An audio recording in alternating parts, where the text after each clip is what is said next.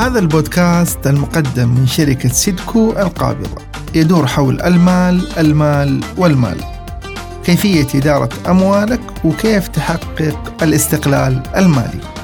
والأهم من ذلك مساعدتك في تحسين علاقتك مع المال.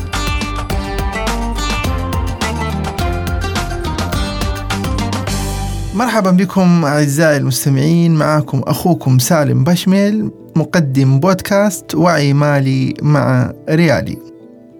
حلقة اليوم حنتكلم فيها عن سبع خطوات تقلل من خسائر الأمطار والسيول كلنا في فصل الشتاء ننبسط الجو لطيف وغيوم وتصير عندنا أمطار وسيول حاجة جميلة. لكن أحيانا تكون خطرة وتسبب لنا خسائر. حنتكلم اليوم كيف نقلل من خسائر هذه الأمطار والسيول إذا جاءت علينا.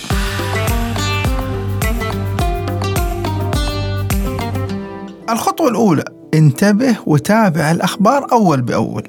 هيئة الأرصاد بتنزل تنبيهات في القنوات التلفزيونية وفي محطات الراديو بتنبه عن الطقس القادم خلال الفترة القادمة. وبتنشر أيضا في حسابات التواصل الاجتماعي توقعاتها للطقس. تابع الأخبار هذه. وتابع تحذيرات الدفاع المدني خاصة ما يتعلق بمجاري السيول وبطون الأودية.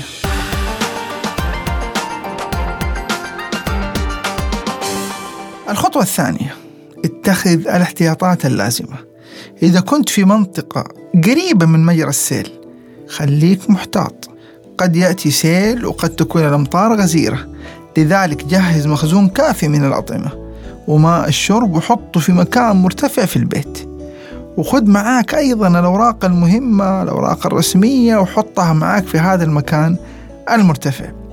إذا في توصيلات كهربائية أرفعها عن مستوى الماء اللي لا سمح الله قد يدخل للبيت. خذ احتياطك دائما وفر معك كشاف بطاريات له ما تدري كم ينقطع التيار الكهربائي لا سمح الله.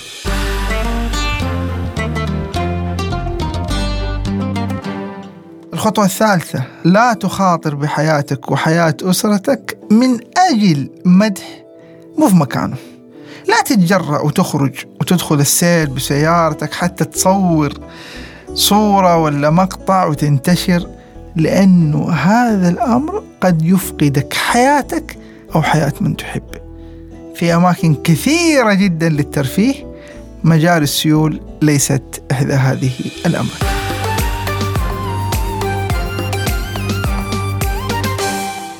الخطوة الرابعة ابتعد عن الأسلاك الكهربائية. لما تنزل الأمطار كل الحي يصبح مبتل. كل الحي ممكن يكون ناقل للكهرباء. أعمدة الإنارة أحيانا بيتسرب سلك من هنا ولا من هنا وتجيله موية فيصبح ناقل للتيار الكهربائي. ويعرضك لا سمح الله للصعق الكهربائي. لذلك خليك حذر. ابتعد عن الأسلاك الكهربائية ابتعد عن مصادر الطاقة داخل البيت وخارجه.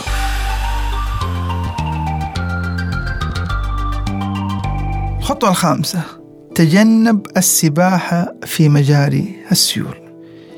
يا إخوة يا أخوات السباحة في مجاري السيول بيحذر منها الدفاع المدني دائما وأبدا. السيل ينمو بشكل هائل جدا. قد يكون في بدايته نص متر متر لكن بعد فترة يصبح ثلاثة وأربعة أمتار وسرعة عظيمة. والمشكلة في السيل إنه ما يكون ماء. ممكن يكون موية ممكن يكون معاه قطع خشب ممكن تكون معاه سيارات وهذا يزيد من خطورة السيول.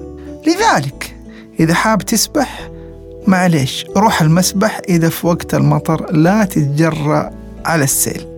أسأل الله عز وجل أن يحفظ الجميع.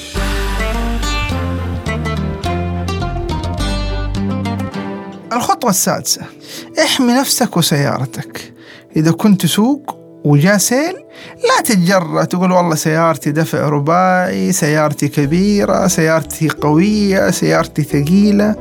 السيل يجرف سيارات وفي بعض الأماكن من العالم حتى الأشجار يقتلعها من مكانها. فلذلك حسيت إنه في سيل وقف السيارة في مكان مرتفع أمن نفسك وأسرتك اللي معك في السيارة في مكان آمن حتى ينتهي السيل وتعود الأمور طبيعية وترجع أنت وأسرتك وسيارتك بأمان الله عز وجل. دائما في فترة الأمطار والسيول خلي معك في السيارة كرتون موية لا سمح الله اضطررت إنك تبقى في السيارة في هذا المكان الآمن ساعات وأيام عندك أهم حاجة اللي هي الماء.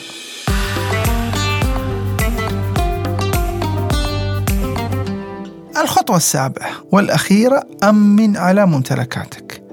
السيول والأمطار قد تصل إلى سياراتنا إلى بيوتنا إلى أماكن كثيرة في حياتنا.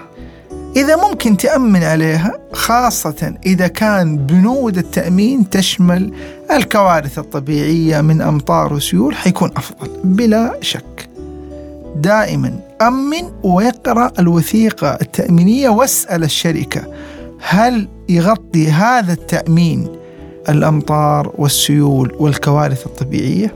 نصيحة ريالي عشان يمر موسم الأمطار باستمتاع وخير وسلام في حالة نزول الأمطار الغزيرة والسيول توخوا الحذر خذوا احتياطاتكم الكافية تواصلوا مع طوارئ الدفاع المدني على الرقم 911 أو طوارئ الأمانة على الرقم 940 عشان تحمي نفسك وتحمي أسرتك وتحمي المجتمع.